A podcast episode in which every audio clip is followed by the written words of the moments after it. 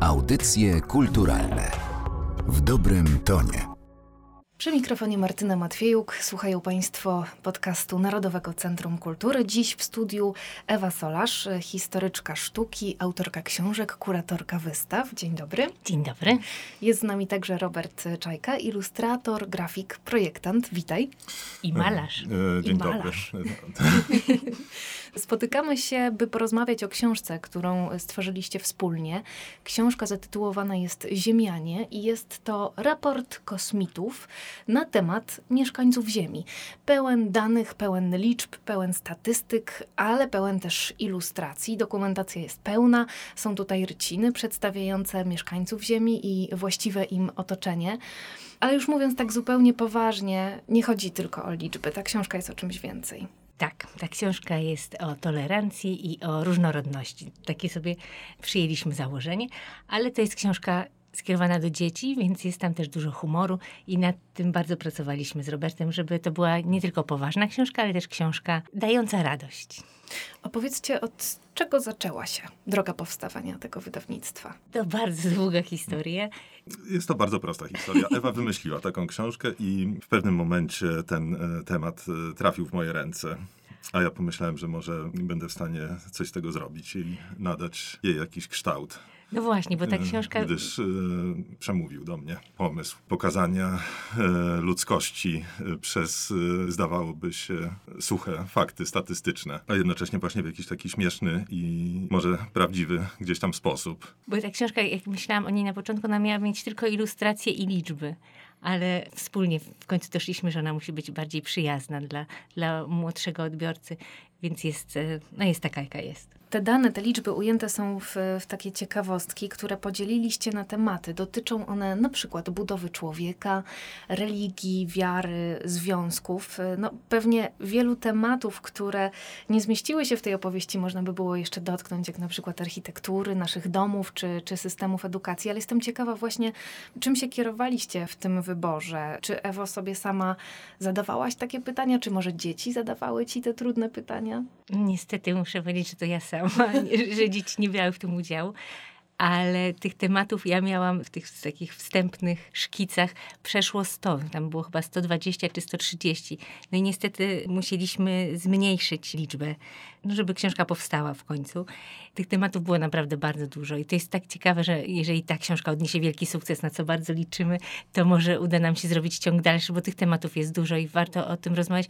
Kierowaliśmy się głównie tym, żeby to były tematy, o których warto rozmawiać z dziećmi, o których warto wiedzieć i warto rozmawiać, że to są zawsze dane, które skłaniają do myślenia i które mam nadzieję sprawią, że będzie jakaś rozmowa w rodzinie i potem własne szukanie kolejnych danych. Wiele faktów, które zamieściliście w tej książce, myślę, że też może być zaskakujących dla dorosłych i to nie jest chyba łatwe opowiadać o świecie, opuszczając gdzieś tam swój punkt widzenia. W końcu się wychowaliśmy w pewnym miejscu, w pewnej kulturze. Trudno jest zrzucić ten bagaż, by to było możliwie obiektywne, a jednak z dużą, myślę, pokorą i, i delikatnością dotknęłaś tych wszystkich tematów. Ten informacyjny ton y, przełamuje humor, którego też y, oczywiście w tej książce nie brakuje. Dorośli odczytają tutaj pewnie różne absurdy naszej codzienności, jakieś takie śmiesznostki. Na przykład y, jak to było z tym pomidorem, tak? który jest warzywem, zaklasyfikowanym jako owoc, ale jednak nazywanym cały czas warzywem. Piszesz też na przykład, mimo oczywistych dowodów, do dzisiaj nie wszyscy Ziemianie są pewni, że Ziemia jest kulą. Nie oceniasz Ziemian. Tak, znaczy to kosmici nie oceniają, po prostu zauważają różne zjawiska. Zauważają to, że Ziemianie są bardzo e, nastawieni na siebie i jak teraz mamy spotkania z Robertem, spotykamy się z dziećmi i pytamy, czy wierzą w kosmitów dzieci, no to ja myślałam, że 100%, a to połowa, albo nawet mniej. My po prostu nie jesteśmy otwarci tak do końca. Nie, nie wierzymy, że coś jeszcze może być poza nami. Jesteśmy bardzo do siebie. Tak, Robert? No mi trudno powiedzieć coś, coś, coś na ten temat. To zapytam cię wprost, bo ten humor też jest zaklęty w twoich ilustracjach. Chciałam cię zapytać, jak tworzyłeś rysunki do tej książki? To było tak, że czytałeś ciekawostkę i już gdzieś ten pierwszy błysk myśli, pierwszy pomysł często właśnie kończył się taką ilustracją, czy one przychodziły do ciebie powoli, w nieoczekiwanych momentach, podczas mycia zębów na przykład? I tak, i tak właśnie. Jakby stosowałem różne metody pracy. Część pomysłów przyszła mi od razu, a część dopiero po chwili, ale, ale starałem się, żeby Ziemianie byli trochę śmieszni, ale też trochę sympatyczni, żeby nie obrazić Ziemian moimi rysunkami, ale jednocześnie, żeby powstała książka, która jest dosyć zabawna. Nie chcieliśmy, żeby to był rocznik statystyczny mhm. dla dzieci, tylko książka, która właśnie pokazuje nas z jakimś, no niewielkim chociaż humorem. No, muszę przyznać, że we mnie budzą sympatię jak najbardziej. To, co jest też spójne z twoimi innymi pracami, to jest wykorzystanie ograniczonej liczby barw. Tutaj akurat w przypadku tej książki mamy czerwień, mamy błękit, zieleń, żółć, czerń. Operujesz też przezroczystościami. Czy mniej znaczy więcej? W pewnym, stopniu, w pewnym stopniu, ale mam chyba jakąś skłonność po prostu też naturalną do ograniczania się, ale właśnie ostatnio z nią walczę.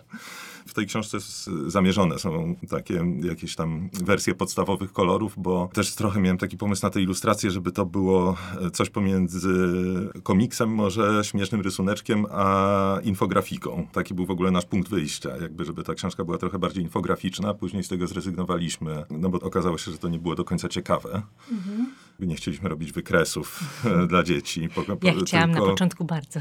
No, Ewa chciała i ja też trochę chciałem, bo wydawało mi się, że te wykresy uda się zrobić śmiesznie, ale ostatecznie właśnie nie do końca one były śmieszne.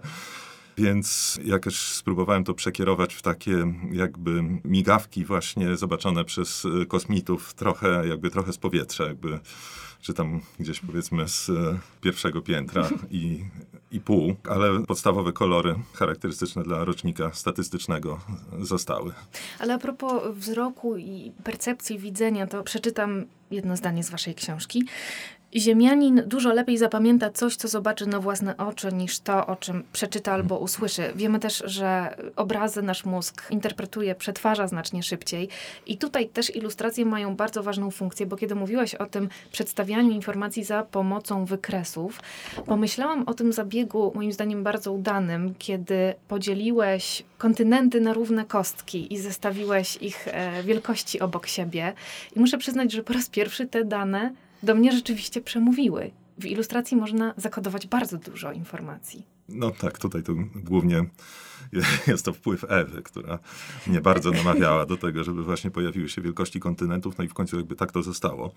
Kostki są rzeczywiście ciekawe, ale, ale właśnie przez jakiś czas nie wydawały mi się wystarczająco zabawne. Ja je zawsze ale lubiłam i dziękuję bardzo Martyno, że powiedziałaś o tym. Współpracujesz też, Robercie, z Teatrem Lalka, dla którego tworzysz e, identyfikacje wizualne, które też mają przecież szereg funkcji, wyróżniają, informują, angażują, no i mają trafiać do pewnej grupy docelowej. W przypadku tej książki mieliście chyba najtrudniejszą grupę docelową, najbardziej tych wymagających odbiorców, czyli dzieci.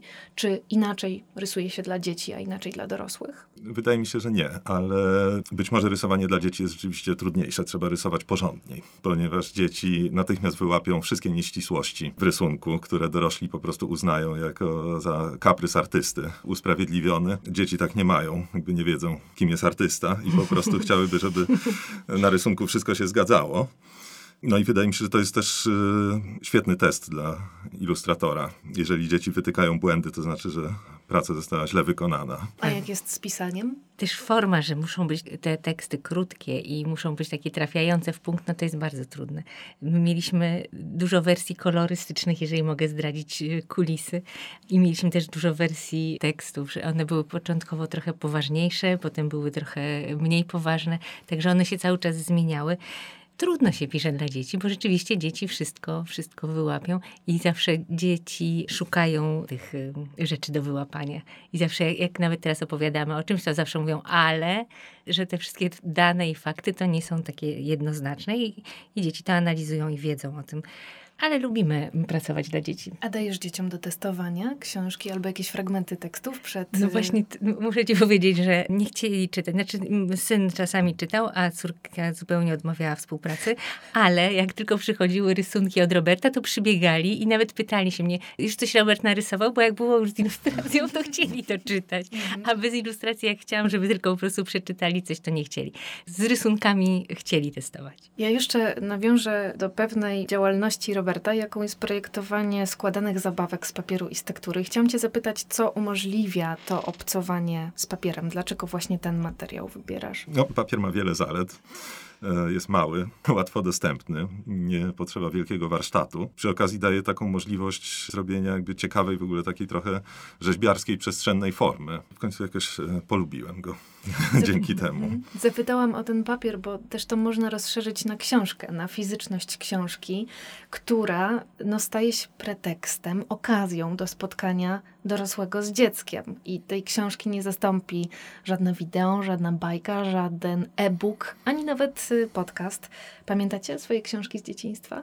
Robert, ty pamiętasz lepiej. Ja już nie pamiętam nic. Ty musisz pierwsza, to coś ja, przypomnę. nie, no, ja, ja zdecydowanie pamiętam.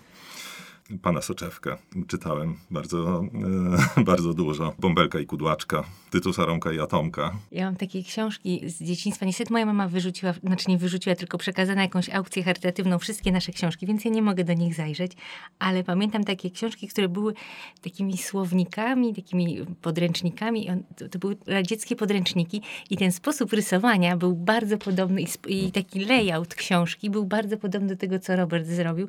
Niestety nie wiem, jak się te książki nazywały, bo już ich nie mam i, i, i dawno ich nie widziałam. Ale my z siostrą nie czytałyśmy, bo nie rozumiałyśmy, bo to było po rosyjsku. Nie, nie wiedziałyśmy, co tam jest napisane. Ale te rysunki mam po prostu wyryte, wyryte w głowę i one były, Robercie, bardzo podobne do tego, co, co zrobiliśmy. I, i, I dokładnie był taki sam układ książki, że były rysunki i małe informacje pod spodem. No właśnie, jakoś tak jest, że te ilustracje z książek z dzieciństwa zapamiętujemy. Życzę Wam, by jak najwięcej dzieci zapamiętało Ziemian. Ewa Solarz, Robert Czajka byli dziś gośćmi audycji kulturalnych. Bardzo Wam dziękuję. My dziękujemy. Dziękujemy. Audycje kulturalne w dobrym tonie.